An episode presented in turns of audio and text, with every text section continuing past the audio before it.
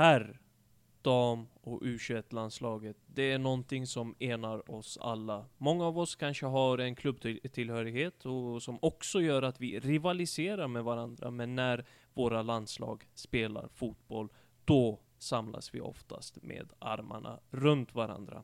Och det är tanken med den här podden, att vi ska samlas med armarna runt och kring varandra och eh, ja, men bemöta och ta emot allting som har med våra tre landslag att göra.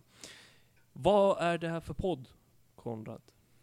Det ska vara en podd som eh, lägger lika mycket energi på dam, här och u fotboll eh, och inte bara dominant på herrfotbollen som det oftast blir, utan vi ska försöka ge alla landslag den uppmärksamhet och den kärlek som den förtjänar. Som sagt, en podd om landslagen för fansen. Låt oss rulla igång. Ljungberg faller Ljungberg och på två minuter. Bollen kommer. I mål! I mål! Ett drömmål av Zlatan Ibrahimovic! Som kan skjuta och kommer in och så skjuter han. I mål! I mål! I mål! I mål! Kan bli svensk hjälte. Räddar denna straff mot Cavallo. Här kommer Cavallo. Lägger den. Ja! Han räddar! Ja Konrad, det har varit en hektisk dag, en hektisk vecka. Eh, strömavbrott här i Södertälje. En, eh, ett Milan-kryss. Senare så sitter vi här äntligen och spelar in podden. Och det första avsnittet eh, någonsin av många eh, att vänta, får vi hoppas. Ja men fantastiskt eh, och eh, vi hade lite otur som du sa, vi skulle ju spela in här på eftermiddagen men eh, så slog ju strömavbrottet till så Då fick det bli att vi spelade in efter Milans match mot Manchester United i Europa League. Mm. Där vi, på tal om svenskar och på tal om landslaget, inte hade med någon Zlatan Ibrahimovic eller Victor Nilsson Lindelöf från start. Eh, tråkigt eh, ur den aspekten, eh, men ändå en bra match som eh, jag gläds åt en del i och med att vi, Milan, eh, som jag är, fick med oss ett kryss i slutet. Men det här ska ju inte handla om klubblag och eh, allt vad det innebär, utan det här är ju en landslagspodd där vi i första hand kommer beröra herr, dam och u landslagen och ger det senaste kring dem, men också spelare som kan vara aktuella för landslagen, eller svenskar och utlandsproffs, som man kanske inte alltid pratar så jättemycket om, tänker jag. Eh, vad, vad, hur går dina tankar inför den här podden och vad, vad, vad är det du vill förmedla till folket, Konrad? Ja men precis, jag håller med dig att eh, eh just att vi ska försöka gå till botten med liksom de här spelarna som vi inte pratar om så mycket, eh, som kanske flyger lite under radarn, eh, men, men också såklart de herrlandslagsspelarna, u landslagsspelarna och damlandslagsspelarna som vi alla känner till. Eh, mm. Så så det, det kommer vara en balans där och det ska bli spännande att få följa. Ja, exakt, och det ska vara en veckopodd där vi alltid försöker vara aktuella med det som händer och, och allt som eh, berör spelarna runt omkring i, i världen som har en svensk koppling, eller som är svenskar egentligen och som har en landslagskoppling, eh, rättare sagt. Och det här känner vi saknas idag ute på marknaden och det här känner mm. vi att vi kan bidra med liksom. Ja, och eh, ja, vissa, vissa avsnitt kommer att handla mer om eh, det ena landslaget, låt säga u landslaget och ett annat avsnitt kanske det handlar mer om damlandslaget och i ett tredje avsnitt kanske det bara i princip handlar om herrlandslaget, även om vi försöker beröra alla tre landslag i vardera avsnitt. Det blir ju mer relevant till exempel att prata damlandslag om det har varit eller kommer vara landskamper och eh, i närtid liksom. Då, då är det ju självklart mer relevant att prata om det. Eh, men jag tänker att vi börjar varje avsnitt med någonting som vi kallar för BT Bullets. Eh, och du har ju inte koll på exakt vad det är, utan det är någonting jag har roddat i eh, lite grann, även om du självklart vet vad tanken är. Det är en liten nyhetsrapport som jag skriver upp, ihop inför varje avsnitt. Jag tänker att vi kan ta och rulla igång med det direkt. Ja, men kör på.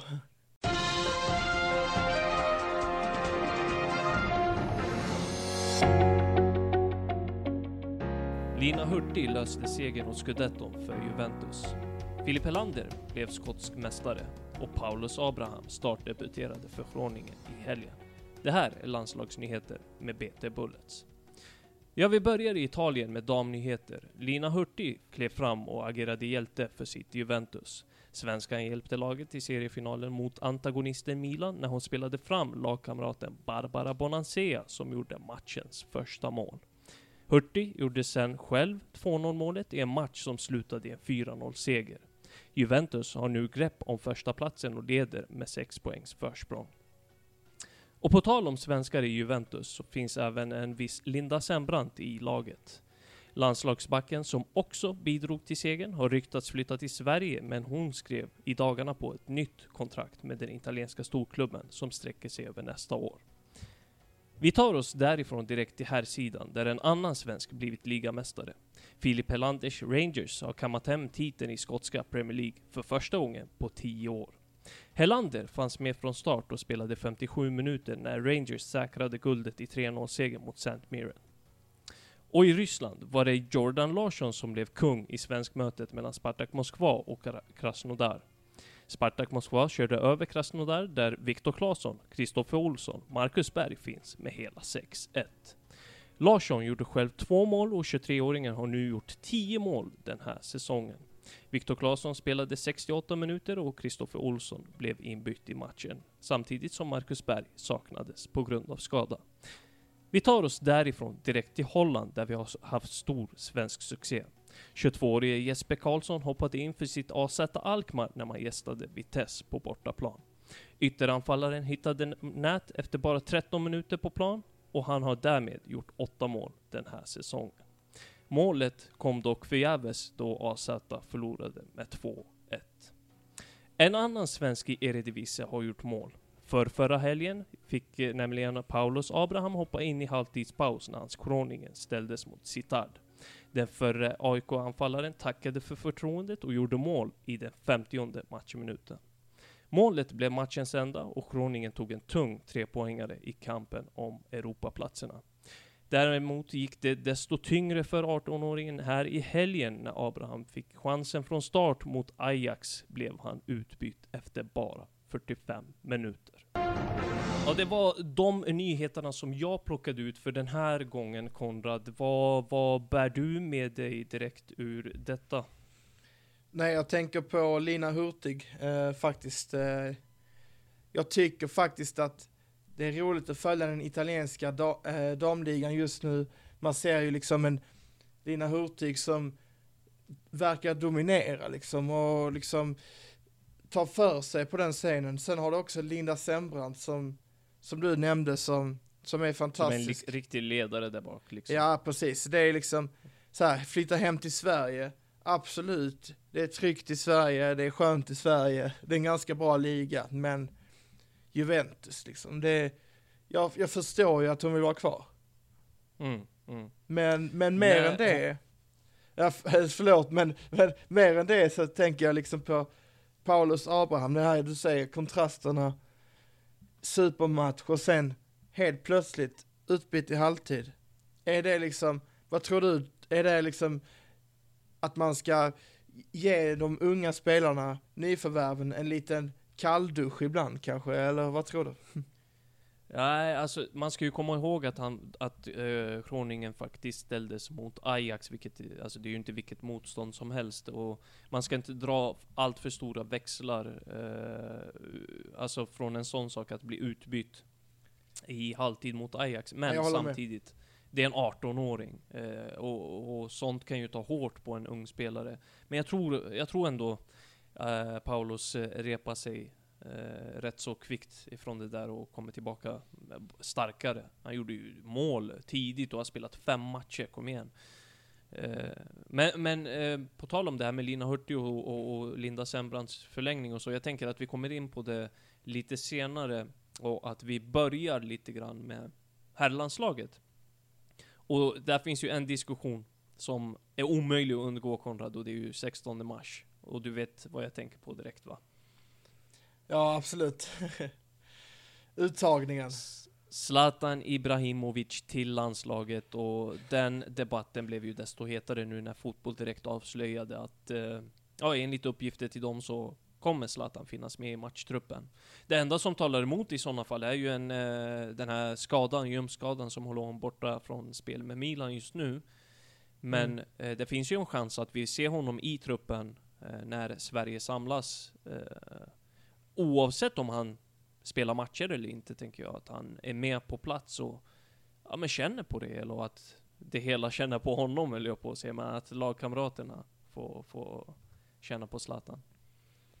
Ja men absolut. Och eh, det finns ju ingen, ingen tvekan om att han skulle kunna ge otroligt mycket till det här laget. Men, men eh, jag, jag ser ändå framför mig på något sätt att Zlatan, han har ju faktiskt haft det lite tufft nu med skador och inte varit på sin allra största liksom högsta nivå här nu senaste tiden. Utan det har varit lite både och tycker jag. Det kanske du kan säga även som Milan-supporter då men jag tycker att eh, det ska bli spännande att se om han går rakt in i elvan.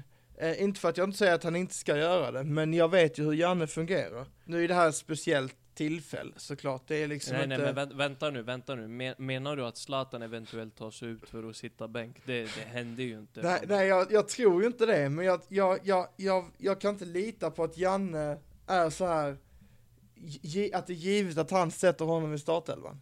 För att det är Janne. Jag tror att det där är överenskommet redan på förhand, Ja. liksom att eh, Zlatan säger att om jag är med så spelar jag, och det går inte att, att bänka någon av Zlatans kaliber. Eh, visst, du pratade här inledningsvis om hans skador och att det har påverkat honom under den här säsongen, men kollar vi rent på prestationen så är det en klassspelare på alla sätt och vis och du kan varken jämföra Marcus Berg eller för den delen Alexander Isak eh, med Zlatan på något sätt. Hans erfarenhet, hans storlek, hans kompetens, hans fotbollshjärna och hans rena, alltså pure quality.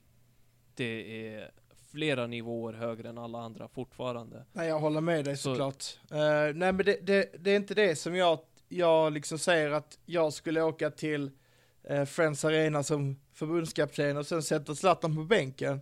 Jag försöker Mm. bara sätta mig in i liksom hur Janne tänker. Eh, men men jag, jag tror också som du att Zlatan och, och Janne träffades i Mi- Milano för, uh, var det i november kanske? Ja, där, där någonstans. Ja.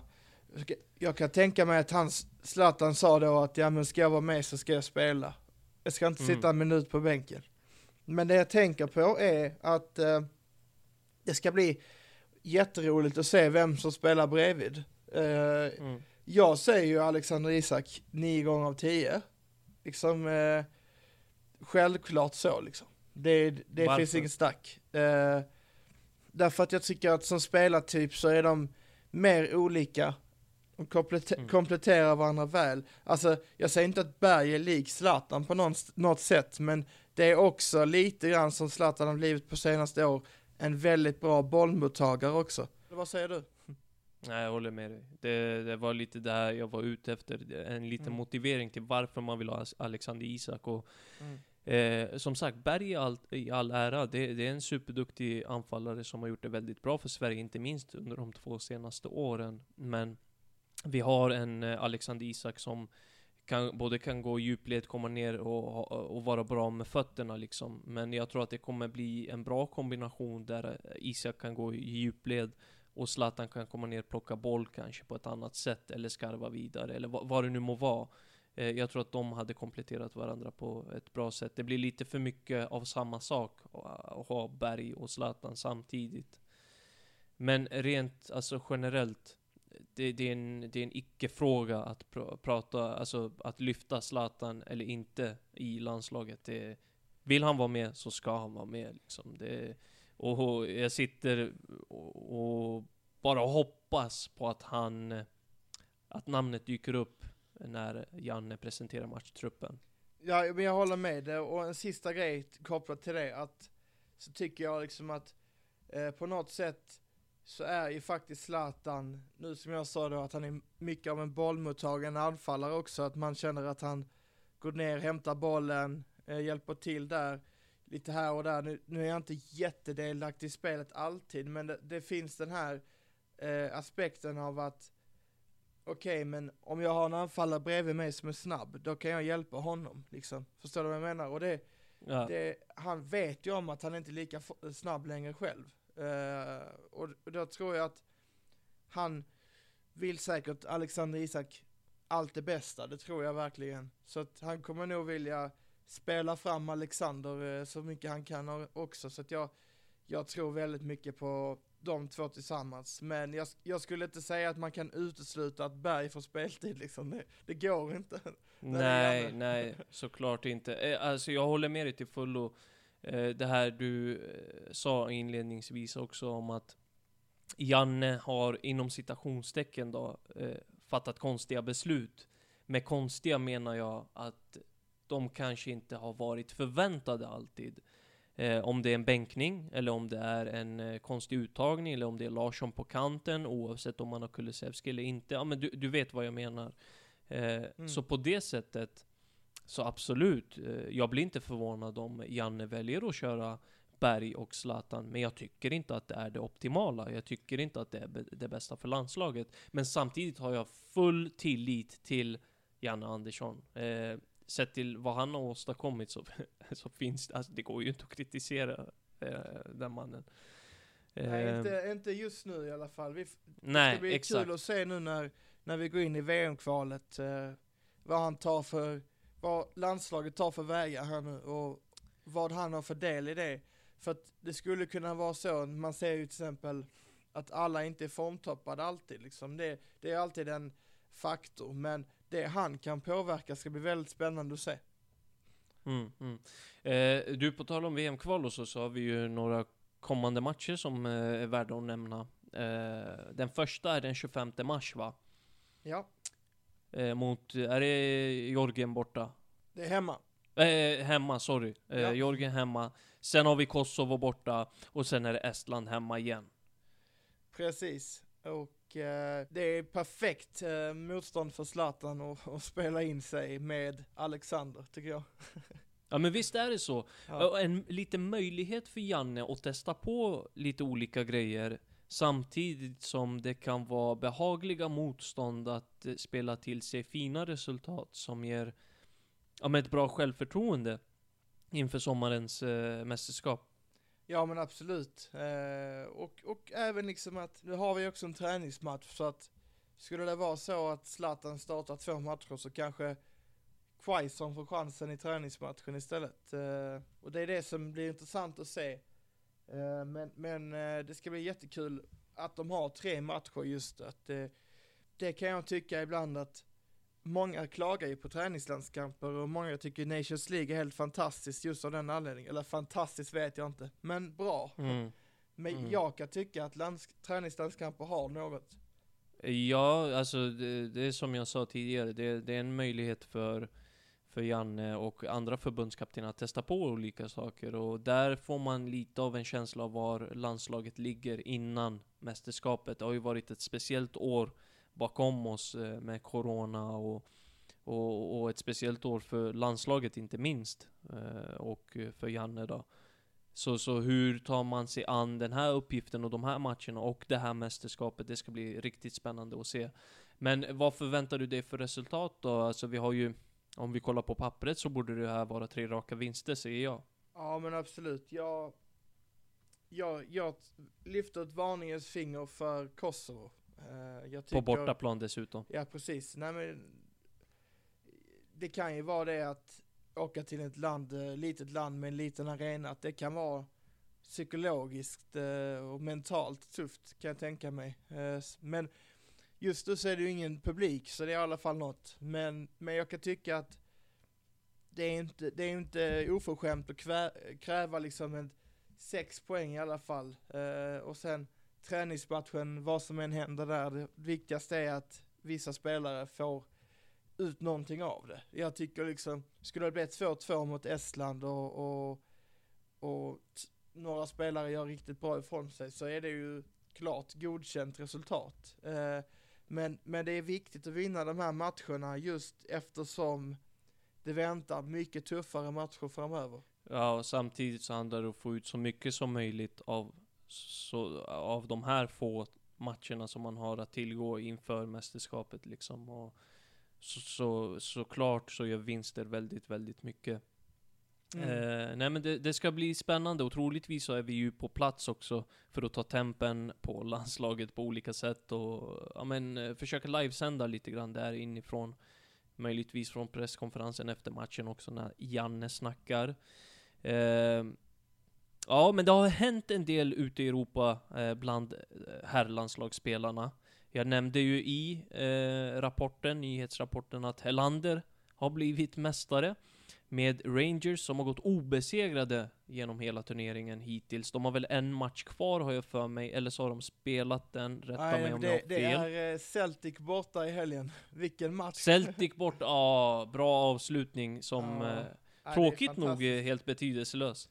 Ja men på något sätt så, så skulle det varit roligt med en titelmatch eh, dem emellan men eh, jag har sett, eh, inte mycket, men, men eh, några matcher med Rangers eftersom att jag beundrar verkligen Filip Helander. Jag, jag, det är kanske min favoritspelare i landslaget, alltså bortsett från kvaliteten då, alltså det är inte så att jag rackar ner på kvaliteten, men liksom om jag ska nämna några till, eh, Alvin Ekdal tycker jag är fantastisk, både, både för det han står för, eh, men också som fotbollsspelare. Han är ju fantastisk i Serie A, så att jag ska säga att det är de två jag gillar allra mest i landslaget just nu faktiskt. Eh, och det, det, är, eh, jag är väldigt imponerad av speciellt de två, jag skulle säga även Lindelöf, det sättet han har liksom hanterat den pressen som har varit på honom konstant sedan han flyttade till England så har vi kanske en trio där som jag, som jag tycker imponerar på mig varje gång.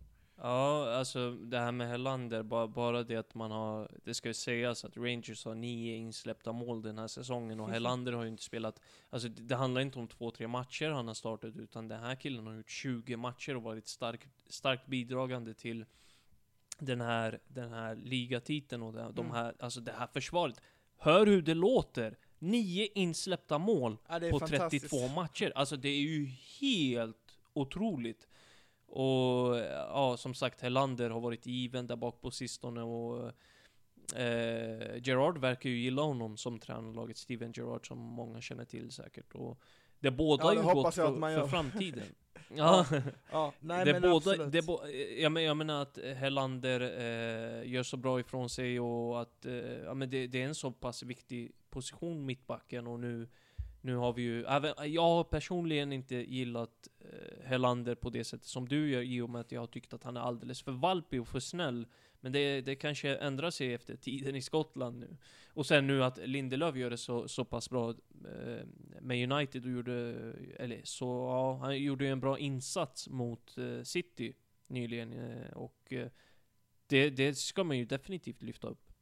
Ja men absolut, jag tycker att eh, men just Lindelöfs spelartyp är ju väldigt sällsynt för en svensk mittback enligt mig. All kritik Lindelöf har fått, han fortfarande inte erkänd som startspelare bland fansen. Och det, det är klart att det, det hade brutit ner vem som helst men någonstans där innanför innanför eh, pannbenet så finns det någonting. Alltså det, det är Ja men det verkligen- verkar så. Eh, det verkar som att han har eh, rätt mentalitet för och att det kommer, han kommer växa ut i en världsback förr eller senare. Eh, Mm. man har ju varit lite tveksam i och med att, eh, ja, känslan har varit att han har vikt ner sig lite grann när eh, pressen har blivit för stor. Men sen har han ju studsat tillbaka och det visar på en styrka i sig. Eh, du, vi har ju, alltså vi har ju några offensiva spelare som gör det brutalt bra ute i Europa också. Eh, Jag tänker att vi ska lyfta dem också innan vi går vidare från herrlandslaget. Och det är ju i första hand ytterligare en spelare som jag nämnde här i rapporten. Det är ju Jordan Larsson. Vad är det han gör borta i, i Ryssland egentligen? Han ju, snittar ju eh, eh, ett mål varannan match och har fem assist också på kontot. Och, alltså han, han, han gör ju sig mer eller mindre omöjlig att inte ta ut i en kommande trupp, säger jag. Ja men absolut, eh, han borde ju ha kommit förbi det stadiet att han ska liksom bevisa sig bättre än John Guidetti till exempel. Eh, jag tycker nog att han är den bästa av de unga förutom Alexander, just nu i alla fall. Eh, och eh, Nej, det är fantastiskt liksom. Det är, det är helt oväntat för min del. När han lämnade Norrköping så kände jag att ja, han kommer från en helt okej okay session i Norrköping. Det lyfte ju inte över taket om man säger så. Men, mm. men eh, det kändes ändå som en smart flytt tyckte jag till Ryssland. Eh, ryska, ryska ligan gillar ju en sån anfallare som är lite stark, lite snabb, mycket, eh, det är mycket Han har lite av allt. Ja men li, precis, det, det, är lite av en, jag vet inte om jag ska säga ett kraftpaket, kan man kalla honom det? Eh, ja, han, är, han är explosiv, alltså mm, mm. explosiv mm. på olika sätt. Alltså han, han har en aura som är lite så här. Uh, men där kan det smälla. Både mm. fysiskt och, och i en löpduell i djupet liksom. Uh, han har lite av allting men Känslan jag fått tidigare är att han inte har tillräckligt mycket av någonting. Alltså att det är lite för mediokert. Men ja, nu är känslan snarare att han bara har behövt och behöver lite mer tid. Och att det här kan bli en riktig världs... världs eller världsanfallare kanske att ta i, nu lugnar vi ner oss. Men eh, en, en riktigt bra anfallare på sikt för Sverige. Eh, och jämför vi honom med sina landslagskollegor i, i Quaison och, och, och, Sebastian Andersson som vi kommer in på lite senare är att alltså, han gör ju det så mycket bättre just nu och, och som du sa, man kanske inte såg den här eh, säsongen komma när han lämnade Norrköping. Eh, nej men precis och, och, och, och eh, nej, jag ska bara lägga till en snabb sak här. Jag, jag tycker även där, vi snackar pannben. Eh, vilken karriär han har gått igenom. Helsingborg, nerflyttad, eh, blev ju attackerad av supportrarna, flyttade väl till Nederländerna, det gick vidare. Eh, och sen, jag tror till och med de blev nerflyttade igen, eh, där i Nederländerna ett halvår senare. Och mm, sen, mm. sen var det direkt till Norrköping eller? Uh, ja, ja, men så minns jag det också. Ja, och det, uh, det var vågat av Norrköping, men det var väldigt bra uh, utdelning på det. jag tyckte, tycker nu för tiden så påminner han om en prime Carlos Strandberg skulle jag säga liksom. Ja, jag kan hålla med där, även om Strandberg kändes ännu mer så här, vad ska man säga? ja Mer av ett kraftpaket kanske. Ja, han är krallig. Eh, ja, exakt. Men, eh, ja, alltså fortsätter Larsson på det här sättet så eh, bådar det gott. Eh, man ska ju också komma ihåg att han har haft en svängig karriär fram och tillbaka, men han är bara 23 år gammal. Mm. Nej, det är jättebra. Eh, det är 23, ingen ålder. Eh, nej, han, verkligen inte man är inte, man är inte inaktuell bara för att man inte spelar Barcelona när man är 22 liksom. Det, det finns en förest, föreställning eh, bland folk att okej, okay, men du är 21, nu utvecklas du inte längre. Eh, eller nu Precis, och sen kanske. ska vi komma ihåg vi, vi, ska också komma ihåg att det är svenska landslaget vi pratar om, inte, mm. inte det spanska och fran, franska, även om uh, Sverige verkar ha något, uh, uppenbarligen, något riktigt bra på gång. Mm. Så ska man komma ihåg var, var nivån ligger och har legat. Ja men precis, eh. Marcus Berg har spelat i fem år nu. Varför skulle inte Jordan Larsson kunna spela i fem, sex år framöver liksom? Precis. Eh, och det, det, är ju inte bara anfallsplatserna som vi har snart i överflöd och spelare som presterar. Kolla bara ytter, ytterpositionerna. Vi har Kenka Sema som gör det riktigt bra i Watford och har ja, kanske inte lika många poäng som övriga yttrar, men tre mål och fyra assist, det, det är inte fy skam och gör det jättebra i Championship och är, eh, han ska väl vara given i truppen tänker jag. Sen har du Foppa i Leipzig som gör det superbra. Eh, och eh, du har Jesper, Jesper Karlsson som, ja, det, det, det, vad, är det för, vad är det för flytt han har gjort och han har tagit Holland med storm.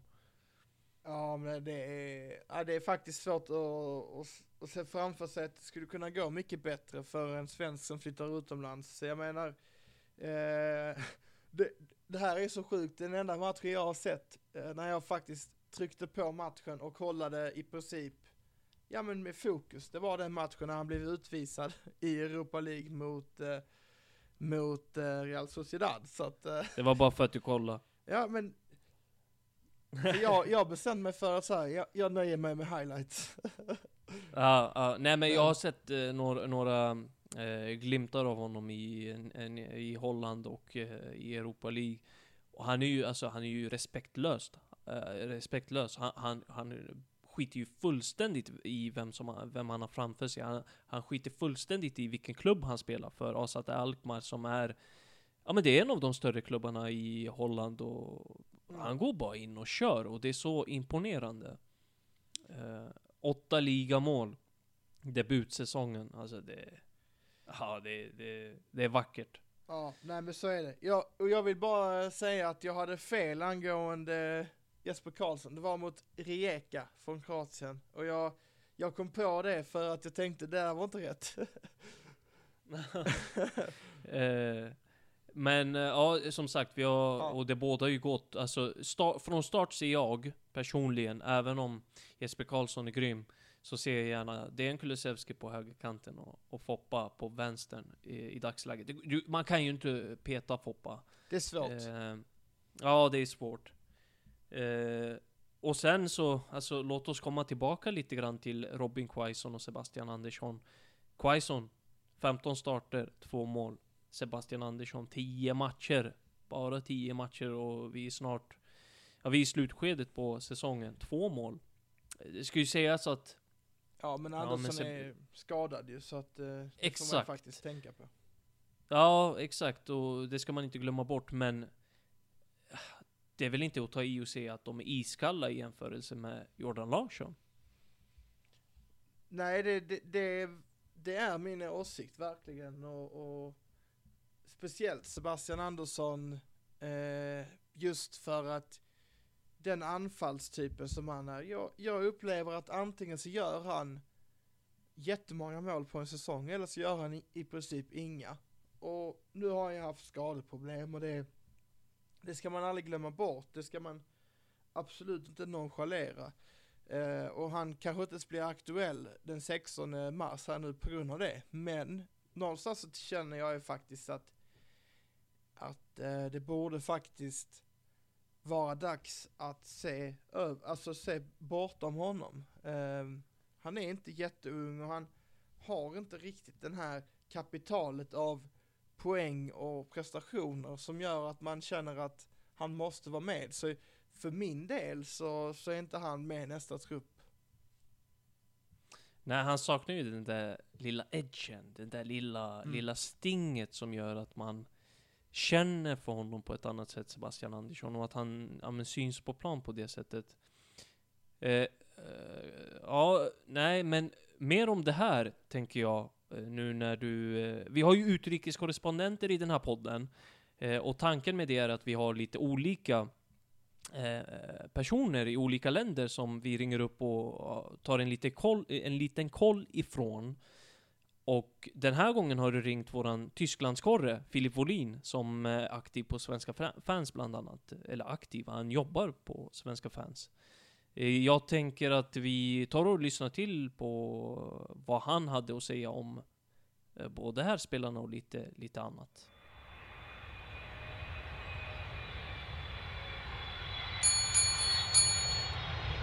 Välkommen till Tyskland. Så. Men då kan vi väl börja med uh, Robin Quaison och Sebastian Andersson. Det kan vi absolut göra. De var ju stekheta förra säsongen i Bundesliga. Eh, då de gjorde hela 13 mål, eh, respektive 12. Mm. Eh, med 10 matcher kvar står både Sebastian Andersson och Robin Quaison på två mål i Bundesliga. Eh, var står Quaison och Andersson nu när det är dags för landslagsuttagning enligt dig? Robin Quaison skulle jag tro är given, trots att han inte alls har nått samma nivå som eh, då under fjolårssäsongen, när han var den spelare som såg till att mines överlevde en nedflyttning. Eh, den här säsongen är det ju sällan ens han har gjort 90 minuter och varit skadad den senaste tiden, men är ju tillbaka nu. Men jag tror ändå att han kommer att vara en del av Jan Anderssons trupp, för det känns ju inte som att han går så jättemycket på dagsformen, utan mer att han vill ha ett lag som eh, han litar på och spelare han känner till. Uh, och i fallet Sebastian Andersson så handlar det ju mer om att han har varit skadad sedan i, uh, vad är det nu, början på december har jag för mig. Så att det är ju det är mer en fråga om tid om han kan hinna komma tillbaka och eh, och hinna komma, och hinna komma upp i så pass bra form att han kan bli aktuell för landslaget. Det är ju en väldigt, ett väldigt stort frågetecken på om så är fallet. Så jag skulle säga att Quaison är given, medan Sebastian Andersson är ett väldigt stort frågetecken. Men eh, förutsatt att han hinner tillfriskna från sin knäskada så tror jag också att han kommer ingå i truppen. Men om Zlatan ska ingå i EM-truppen och Andersson är frisk, vad tror du då om Sebastian Anderssons chanser? Är det han som kan ryka eller tror du på någon annan då? Ja, det är en väldigt bra fråga. Det, det är kanske det det hänger på, Zlatans comeback, om Andersson kan komma med eller inte. Nej men det är, det är självklart att Zlatan går före där. Eh, Sebastian Andersson i all ära, men eh, Zlatan är ju klasser bättre och har ju levererat hela säsongen så att det är nog inget snack om saken i så fall att Zlatan går före. Sen så måste man ändå säga att Emil Forsberg har haft en ganska bra poängmässigt facit. Han har gjort åtta poäng eh, på bara tolv starter. Eh, men också ett par inhopp på det. Eh, vad tycker du om hans prestation om du bortser från hans skadeproblem och då? Och allt det där som har faktiskt har varit ett stort hinder för honom den här säsongen. Han hade ju verkligen en pangstart på säsongen där han noterades för poäng under de tre inledande matcherna där han då både gjorde mål och framspelningar. Sen därefter har det dalat lite poängmässigt och han har ju faktiskt bara gjort 90 minuter en enda gång den här säsongen och det var i Europa League. Så att han har inte samma stjärnstatus som han tidigare hade i Leipzig och någonstans så känns det kanske som att det här är då sista säsongen, vilket man har sagt nu i typ tre års tid, men han, ja, vad ska man säga egentligen? Han, han var ju deras klart bästa spelare ett tag, men har ju haft stora problem med skador samtidigt som det har kommit andra spelare som har, har presterat bättre. Eh, men det är fortfarande en väldigt duktig fotbollsspelare och jag tror definitivt han har mer kvar att ge, så att blir det inte Leipzig så blir det nog en annan toppklubb vi hittar honom nästa år. Sen har du också Oskar Wendt i Bundesliga, eh, i alla fall ett par månader till. Han eh, har ju faktiskt inte spelat allt för mycket eftersom att eh, Gladbach har fått in Ben Sebaini som, eh, nu vet jag inte om det var rätt uttal, men han är ju en riktigt bra vänsterback i stunder. Jag hade inte vågat mig på ett annat uttal i alla fall, så att det kör vi på. Nej, perfekt. Nej, jag tänkte bara fråga, var det dags enligt dig för Oskar att flytta hem eller hade han kanske haft en säsong till i Bundesliga i sig? Alltså det skulle han säkert kunna ha haft. Eh, grejen är ju den att han den här säsongen mer agerar eh, rotationsspelare än vad han är startspelare ju. Och det är ju tio år sedan nu i sommar sedan han, sedan han anslöt till klubben. Så han har varit en lång tid och absolut skulle kunna göra en säsong till men sett att han börjar bli till åren nu och jag vet, eh, efter att ha träffat honom och snackat med honom att han gärna vill avsluta karriären hemma i IFK Göteborg så känns det ju som att det är nu han ska flytta hem i så fall. Så att jag förstår honom till eh punkt och pricka men han skulle absolut hålla för spel i Bundesliga. Så pass bra är han fortfarande. Sen har vi Joakim Nilsson som eh, har fått börja spela nästan alla matcher nu efter nyår, om jag inte är, är helt fel på det. Så jag tänker, hur nära landslaget borde han vara nu när Andreas Granqvist är skad, äh, har sina problem och Pontus Jansson är skadad eh, och så vidare. Nej, men det känns ju definitivt som att han borde finnas med i Jan Anderssons tankar och det är en spelare som nu gör sin första säsong någonsin i Bundesliga och har gjort det helt okej okay i ett lag som kanske egentligen inte hör hemma där. Och han har ju faktiskt bevisat att han håller på den här nivån så att jag blir förvånad om han inte finns med i Jan Anderssons planer för framtiden och i mina ögon så skulle han definitivt kunna vara ett ämne för landslaget redan nu till EM. Och eh, sist men inte minst så skulle jag vilja prata lite om Frauen Bundesliga som det så fint heter. Och ja. eh, Wolfsburg och Bayern München som är de två stora klubbarna som faktiskt dominerat fotbollen i sex, sju år nu. Ehm, vi har ju två svenskar i båda lagen. Vad, hur, hur ser det ut för eh, de här två lagen, respektive lag, eh, nu när Eh, Wolfsburg har vunnit fyra år i rad. Eh, och Bayern ser ut att vinna i år. Vad är det som har skett där i den balansen, tror du? Ja, Bayern München är Bayern München kan man väl säga.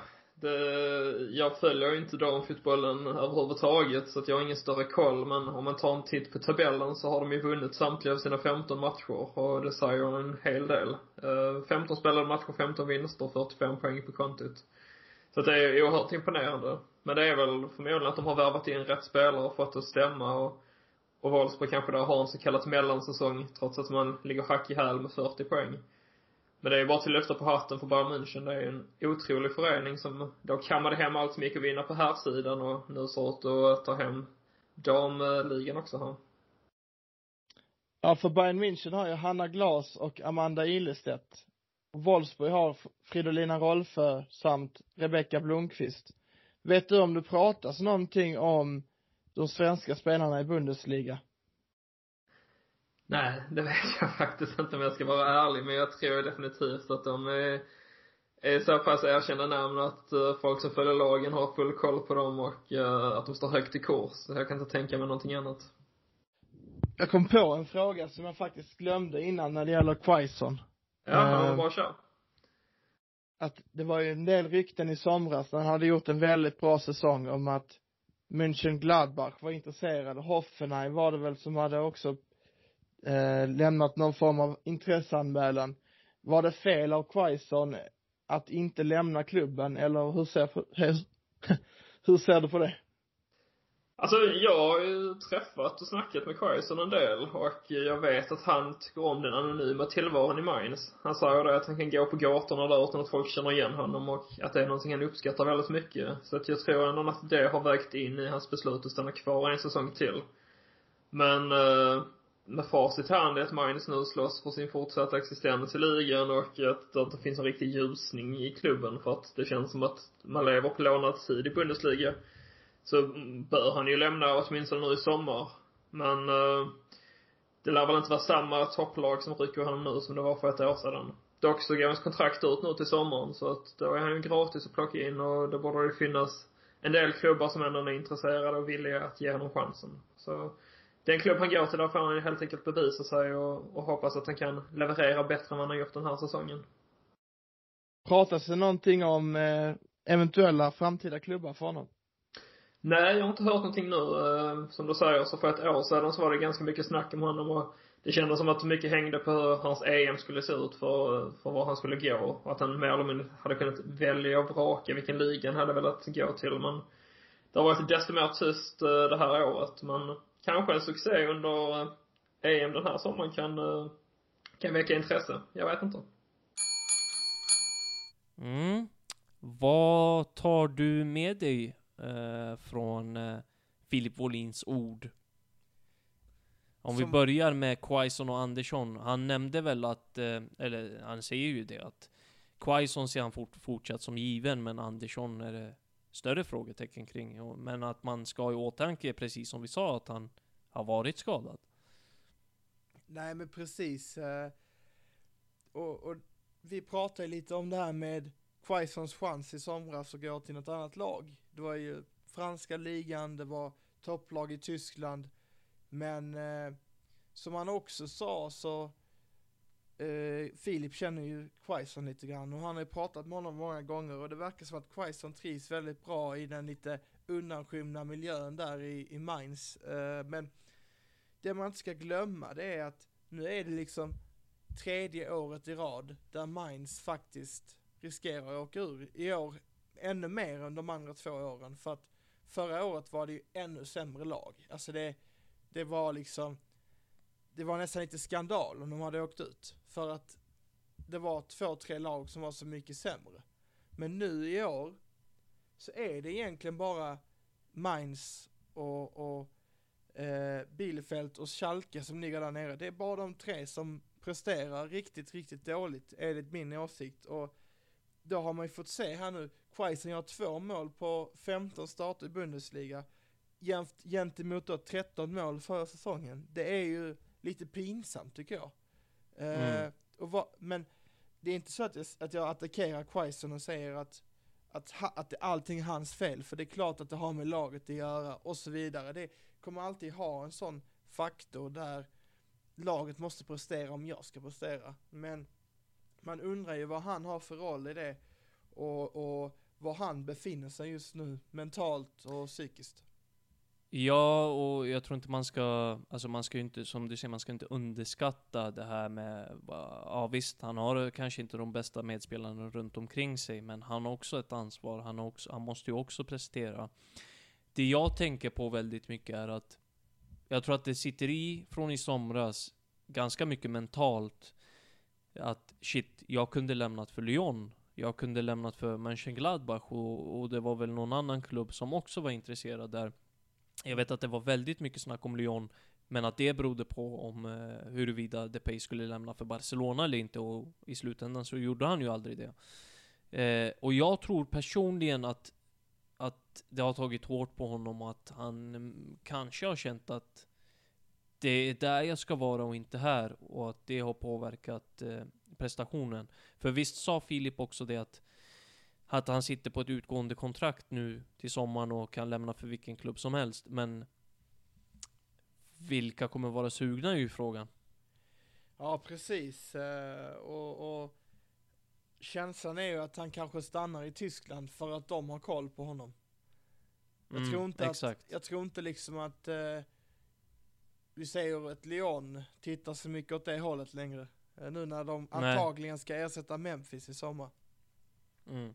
Så Eh. vi får se. Du, ni, ni, ni kom ju in på det här med, om inte du vill säga något mer om här, eh, här alltså på herrfronten, ni pratade ju med om, om lite olika spelare som Nej men det, det går kan- bra för mig faktiskt. Eh, Jag, jag bara Ja. lägga till kort då att det blir spännande att se med Joakim Nilsson. Han startade ju faktiskt en match efter att vi pratade med Filip igår, eller jag pratade med Filip igår så att det, det Mm, var ju mm. faktiskt eh, roligt att, att nu har det gått två, tre månader när han startat alla matcher så att han är på G. Han är på G. Eh, Joakim Nilsson med fyra landskamper på kontot. Eh, ja, kan bli fler där. Eh, ni kom ju in lite grann på damfotboll där, eh, Konrad. Frauen Bundesliga som jag tänker att vi kan fortsätta lite grann på och om. Eh, vi kan väl eh, prata lite eh, Bayern München och lite Wolfsburg till en början som, som ni var inne på. Eh, och börja med lite Hanna Glas som målade för Bayern mot, eh, då ska vi se här, Kassygurt. Eh, och startade senast mot Freiburg också. Eh, I Champions League. Eh, det har väl, har det spelats mer Champions League-fotboll på damfronten nu? Eh, ska vi se så att jag inte ser fel. Men ja, Hanna Glas i alla fall har hittat in i målprotokollet. Vad kul! Alltid roligt när eh, svenskor hittar in i målprotokoll på det sättet. Ja men absolut, och det var ju lite oväntat för eh, som försvarare så kan jag inte tänka mig att det har blivit sådär jättemånga mål eh, i karriären så att eh, jag för Mm. mig faktiskt att jag har någon form av eh, bild i huvudet att, att hon har gjort mål tidigare för Bayern München. Och eh, Det stämmer nog. Det, det känns eh, rimligt. Och jag ska ju säga det också att innan vi går vidare bara. Eh, det, hon gjorde mål i det första mötet mellan eh, Bayern och Kasigurt Och så gjorde hon... Eh, eh, så spelade ju Bayern mot eh, returmötet här under onsdagskvällen. Eh, och vann med 3-0 också. Totalt eh, blev det 9-1. Eh, ja, eh, bara ett tillägg. Ja men eh, absolut, eh, och, och eh, jag läste häromdagen att Hanna Glas kontrakt här i somras, det ska vara det bästa kontraktet som en kvinnlig försvarare från Sverige har haft någonsin, så att eh, det unnar man ju henne. Exakt, och det säger väl lite grann eh, att eh, Lite grann att eh, vad var, alltså lite det ni var inne på eh, du och Filip vilken, vilken status som svenskorna har ute i Europa. Det här är bra spelare vi snackar om. Det här är inte, om vi kollar här sidan så kanske man inte sticker ut på samma sätt när man lämnar eh, allsvenskan. Men lämnar man damallsvenskan ute i Europa, då eh, betyder man kanske lite mer. Om du förstår vad jag menar. Mm. Uh, ja, nej men uh, skoj för Hanna Glas som fått hitta nät och som startar och gör det bra i Bayern och har tagit sig vidare i Champions League. De är, uh, de ska spela kvartsfinal. Blir det. Samma sak gör också eh, Fridolina Rolfös Wolfsburg som slog ut Lilleström. Och de har också tagit sig vidare till kvartsfinal då. Det är ju två lag som tampas om första platsen i Frauen Bundesliga. Eh, Wolfsburg och eh, Bayern. På tal om Fridolina Rolfö, har du koll på att hon har bestämt sig för att lämna Wolfsburg? Ja, men det, det var lite oväntat för min del faktiskt. Eh, Känslan vad- är ju att hon trivs där och, och, och allt sånt. Undrar vad som händer härnäst? Hon kanske har fått ett bättre erbjudande helt enkelt. Det är antingen det eller att hon flyttar hem till Sverige. Det är väl det jag tänker på för att jag menar Wolfsburg har ju vunnit nu fyra eller fem år i rad. Eh, och, och även Champions League eh, någon gång här och där. liksom. Och det, Mm. det känns som att är, är Wolfsburg på väg ner? Det är den frågan man, man vill ställa sig. Filip Wåhlin hade ju inte något riktigt bra svar på det för enligt honom, och det har vi pratat om tidigare, jag och Filip, att enligt honom så är ju den damfotbollen ganska så underrapporterad i Tyskland och, och det är lite tråkigt såklart med tanke på att är, Bundesliga är så ja. bra som den är. ja, det är väl, alltså underrapporterat är det väl lite överallt om man ser så. Absolut. Men eh, jag kan tänka mig att det är mindre i, i Tyskland. Eh, ja men alltså det är ju spännande att se var, var hon hamnar. Jag tror att Wolfsburgs andra placering i dagsläget snarare har att göra med att Bayern har steppat upp och tagit flera steg framåt. Eh, men vi ska väl inte fastna vid eh, klubblagen allt för mycket. Det har ju spelats landskamper också. Eh, vi har eh, en match, eh, en landskamp som har spelats mot Österrike och en mot Malta. Eh, och eh, Sverige spelade stabilt i båda matcherna, även om det inte var det största och svåraste motståndet så är det svårt att begära mer. Eh, det var en 6-1 seger och en, eh, vad blev det? 3-0 va? 3-0 mot eh, Malta. Precis. Ja, Så ja. att, eh, nej men det är väl, det är väl lite sådär att man, man känner det här att man ska komma ut till en träningsmatch och vara fullt motiverad. Och det, det är väl det som är utmaningen och jag tyckte det, det syntes inte så mycket på dem att, att de inte eh, behövde spela för någonting utan det kändes ju som att det var en hel del spelare som tog chansen. Eh, som Rybrink då till exempel, eh, från eh, Kristianstad som, eh, som fick chansen här nu så att eh, för att nämna ett exempel, men, jag känner mest att det är ändå imponerande starkt att göra nio mål på två matcher trots att det inte är Tyskland och Brasilien. Man kommer ut där, man ställer inte ut skorna utan man, gör, man ger allting i 90 minuter. Och det är det som visar karaktären på dessa spelarna tycker jag. Mm. Ja, nej, det, alltså det är som sagt, det är svårt att begära mer i de här matcherna. Jag tycker Sverige stod för två bra insatser och gjorde sitt jobb som favorit. De gav allt. Men att det kanske, ja, att försvaret lämnade lite att önska. Eh, och sen att Hedvig Lindahl inte briljerade direkt mot Österrike, vilket hon förvisso inte heller gjorde mot, eh, för sitt Atletico Madrid här nyligen. Eh, och eh, ja men vi, jag tänker att vi kommer in på Lindahl alldeles strax. Men ja, rent generellt om de här eh, landskamperna. Jag tycker inte det finns jättemycket att säga. Svårt att dra några slutsatser mer eh, än att ja, det var en bra prestation och, på, på, i båda matcherna. Sen eh, så bär vi ju med oss att vi hade eh, unga debutanter, vi hade en ung trupp och eh, lite utrymme för Peter Gerhardsson att testa på lite grann. Och jag, jag tror att han tycker att det är bekvämt. Jag tror att han sa det i någon intervju med Fotbollskanalen eller om det var i någon, eh, på någon presskonferens att i och med att man är begränsad truppmässigt nu till OS, jag tror att det är 16 spelare max, plus Ja. två reserver. Då måste han tänka ett steg längre och ta ut spelare som kan spela på flera positioner. Och Ja, eh, det är ju en extra utmaning. Man får ju hitta mångsidigheten i spelarna också och det, där, där kan man ju då, om man, om man får lov att göra det, kopplat till landslaget eh, här då, eh, med Sebastian Larsson till exempel, han skulle kunna spela högermitt, innermittfältare och högerback. Och det är, det, det är sådana spelare som alla tränare behöver. Jag tror att Peter Gerhardsson känner det nu också. Ja, det är ju tacksamt alltså. Eh, Jag tror att... eh, Alltså sådana spelare är bara så här, "Åh, men släng in, släng in Sebbe. Så löser han det. Ja.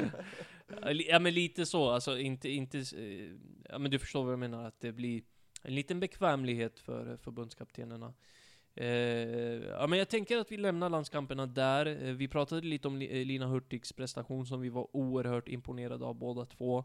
Eh, lämnade för Juventus, eh, lämnade Linköping va, för Juventus i somras. Gjort det jättebra sedan dess. Eh, funnits på bänken ibland, i startelvan ibland, eh, men ändå kommit in i det. Det tar ju lite tid att acklimatisera sig till eh, ett helt nytt land som, som Italien och den italienska fotbollen, men gör det bra. Eh, sen har vi ju Linda Sembrant som sagt som förlänger kontraktet med Juventus över nästa år. Hon har ju ryktats väldigt starkt till BK Häcken. ja, spännande. Det, ja, får se om det blir något efter att kontraktet går ut. Eh, sen är det ju kul att eh, Kosovare Asllani var tillbaka med landslaget. Eh, och hon har ju varit skadad, drog, dragit på sig en eh, hjärnskakning och saknats en del. Eh, alltid viktigt att ha henne tillbaka och det var ju med besked liksom. Det, det, det var fina prestationer i landskamperna. Men hon saknades i helgen igen. För sitt Real Madrid. Och vi hoppas att det, att det blir bra snart för, eh, för enligt mig så är det ju en spelare som inte går att ersätta just nu i alla fall. Nej, alltså hon är ju vital för eh, det här svenska landslaget. Men en annan, alltså, låt oss prata lite extra om målvaktssituationen. Där vill jag prata ut lite grann, tänker jag. Hedvig Lindahl, eh, åldern börjar ta ut sin rätt. Hon har ju nyligen kommit tillbaka från en knäskada och gör inte superbra. Samtidigt har Zecira Musovic eh, startat för sitt Chelsea. Eh, och men tar steg framåt där, gör det bra. Och eh, känns som att hon kommer ta, eller för min del känns det som att hon kommer ta över första spaden i landslaget. Vad, vad är dina tankar?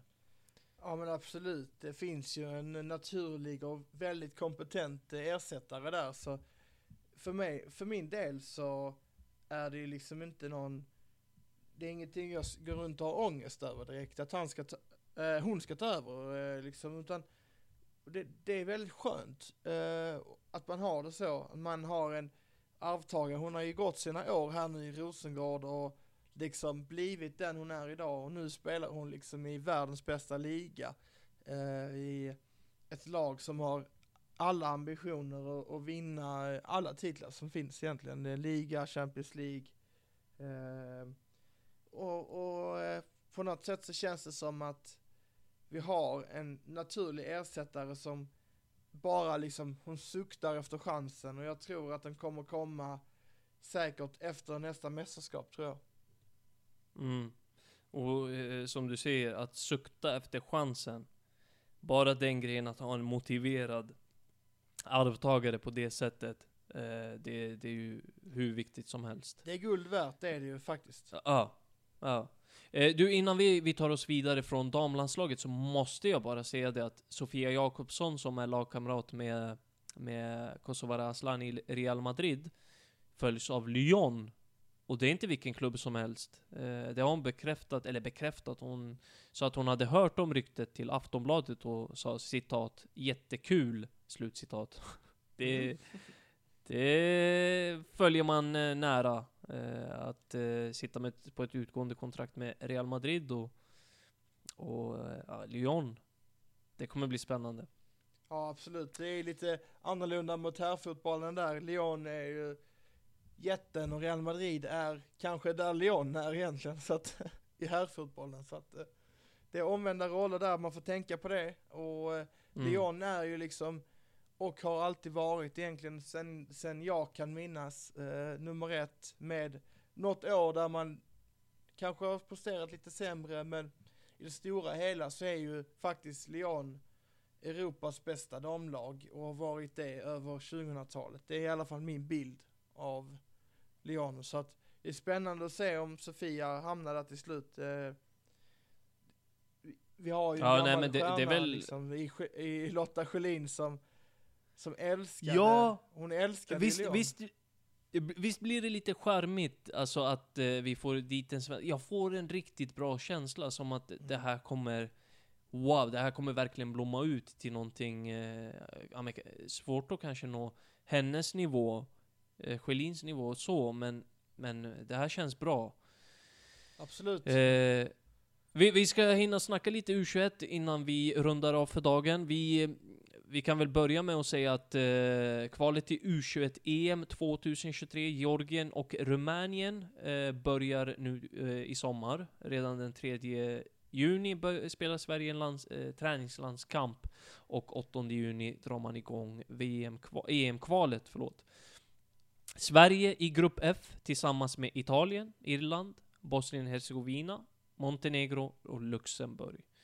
Eh, en grupp som, ja, mer eller mindre, alltså visst, man har Italien, man har, eh, man har Irland som kanske kan eh, komma upp i en viss nivå, men sen har du också de här nationerna som Sverige ska slå, tänker jag. Eh, kort kommentar om eh, den gruppen? Nej men det känns som, eh, den är ju nästan likadan som förra gången. Det är det som är så roligt. Eh, Italien, Känns inte alltid allt likadant med U21-landslaget? Absolut, Alltså, men det är så Italien, här Irland var med förra och- gången också. och de, ja, de men kvalificerade alltså, sig. jag, ja, men jag håller med dig. Det här med, det här med U21-landslaget. Jag älskar att eh, följa U21-landslaget uh, spela sina landskamper och du vet, alla intressanta spelare och allt sånt. Men det känns som att det alltid är samma sak. Ja, men det, det är nog nå, eh, kval här och där. Spelarna byts ut som det ska vara. Det är ju, alltså, härifrån slussas de ju vidare om de är tillräckligt bra, så går de ju till A-landslaget. Men det finns en skärm i det hela. Ja men Eh, absolut. Men, eh, ja, eh, som sagt, 3 juni Sverige-Finland träningslandskamp och sen är det 8 juni Sverige-Luxemburg eh, i EM-kvalet. Men det är inte det mest centrala att prata om gällande u landslaget utan vi har en ny förbundskapten på posten, eh, nämligen Poya Asbaghi. Vad, eh, mina spontana känslor är att, alltså först var det så här ganska komiskt att eh, Roland Nilsson tar över Göteborg Ja. och Poja tar u Alltså det, det finns ju en, eh, ja, det, eh, eh, alltså det är ju komedi på ett visst sätt men samtidigt så känns det som en eh, briljant rekrytering för u landslaget Ja men absolut. Nu får han ju faktiskt chansen att visa den här jättefina talangutvecklingen som han har stått för i många år. Eh, och inte minst så ska det bli spännande att se om vad, liksom vad spelarna själv tycker om honom för att det tycker jag man inte, man fick höra väldigt mycket positivt från Göteborgsspelarna. De var alltid, de stod bakom Poja. Det gick jäkligt tufft ibland men det var inte mycket klagomål tyckte jag. Utan jag tror att Poja har ett, en, liksom ett förtroendekapital hos spelarna och det ska bli spännande att se nu vad som blir hans första landslagstrupp men jag har svårt att se att det skulle kunna bli mycket bättre rekrytering just nu för Sverige om vi ska titta på svenska tränare. Jag är helt enig. Alltså, helt, helt enig. Det här är en förbundskapten som... Eh, alltså, kollar du rent vad, på det han har gjort tidigare och det han är ja, men känd för, det är ju som du säger, eh, han är en, en tränare som ger, ger eh, unga spelare chansen. Han är en tränare som ger unga spelare förtroende och det betyder väldigt mycket. Och det säger väl sitt, att han vet hur han ska handskas med de här yngre spelarna. Samtidigt så tycker jag att han spelar en väldigt intressant fotboll, en väldigt fartfylld fotboll som jag tycker passar ett sånt här lag där man testar väldigt mycket, där man ska prova på, eller prova på kanske är fel ord, det här är ju inte, det är ju inte Eh, alltså bara hoppa in och göra sitt och dra hem liksom. Det är ju u landslaget det är stort också men Du förstår vad jag menar, det här är det här mellansteget fram till landslaget och här ska man kunna testa på lite grejer. Och en offensivt präglad fotboll och en intressant fotboll med, med mycket, mycket ja, men ett kortpassningstänkt, en snabb fotboll. Det tror jag kan gynna ett u landslag och jag tror att det i längden kan betyda att, eh, att svenska landslaget raderar ut det här, det här pragmatiska tråk, eh, inom citationstecken då, tråkiga fotbollen som man pratar om, utan att det blir en roligare fotboll vi får se. Ja men absolut. Ehm, jag, jag, jag tror inte man ska underskatta Aspergis liksom utvecklingspotential att Jan Andersson, han har nog inte tio år kvar. Utan han kanske, det är väldigt svårt att uppskatta. Det, det, det skulle kunna bli så att eh, brintiden helt plötsligt är slut. Eh, och då kanske man agerar fort. Nu ska vi inte liksom gå händelserna i förväg, men jag kan tänka Nej, mig att nej. Asbaghi är en reell kandidat liksom till att ta över A-landslaget med sina idéer och sitt man- man-to-man ledarskap som många pratar om. Och jag är mest spänd över att se hur, eh, men som sagt, hur reagerar spelarna? Vad säger de om honom? Nu vet jag att det är landslag så man kommer inte gå ut och säga ja men han är skitkass liksom. Men, men ändå, vad är det de lyfter fram? För, för eh, min syn av Poja är att han är, han kan vara en hård ledare, men han kan också vara empatisk och trevlig och lyssnande och snäll. Det, det, det, det är det intrycket man får av honom som gör att för mig är det helt omöjligt att önska honom något annat än väl. Och speciellt nu när han är tränare för vårt landslag såklart. Men någonstans så tror jag att den ledarskapen eh, kan vara ett bra bryt för alla andra unga spelarna här som, som kommer upp nu som kanske är vana vid den gamla svenska skolan. Liksom Mm, exakt. Och sen så, Larsson så i skadar det MFF inte. Och, och jag vill bara säga, Ro- Roland Larsson i MFF och då har ju liksom eh, BP och, och alla som är där och eh, inget fel på deras utbildning, de är fantastiska men sen kommer det en annan ledartyp när det kommer upp i u som, som agerar på ett annat sätt. Det ska bli spännande att se hur, hur det liksom, den kontrasten funkar för dem.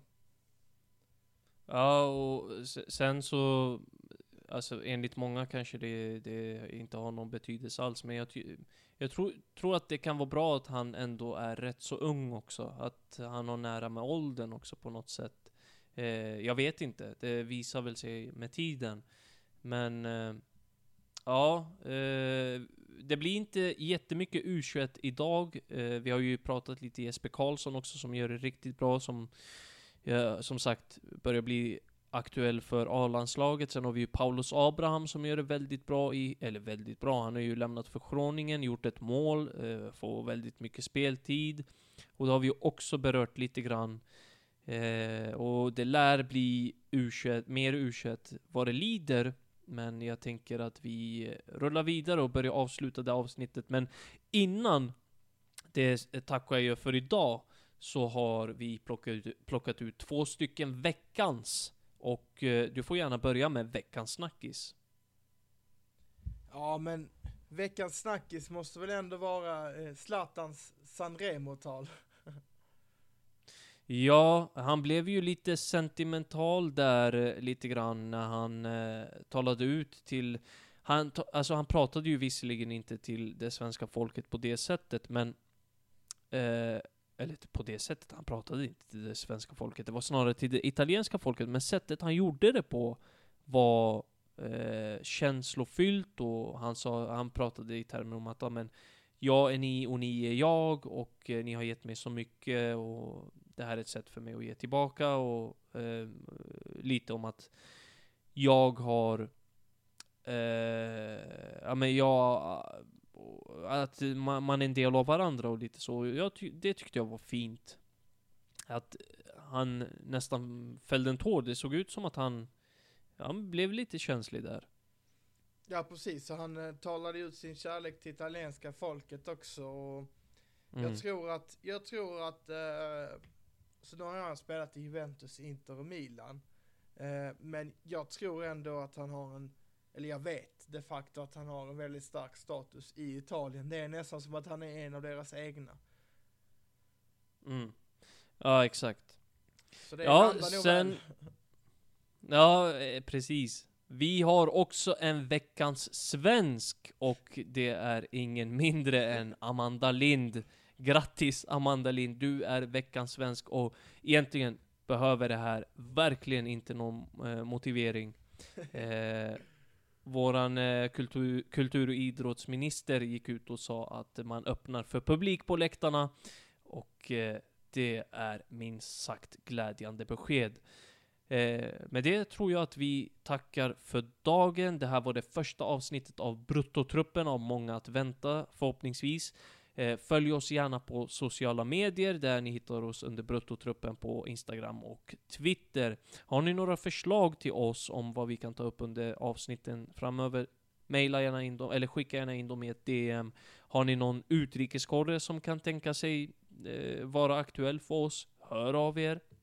Så kollar vi på det.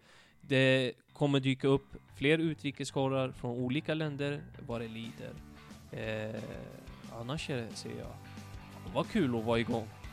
Helt underbart. Tack så mycket för att ni lyssnade.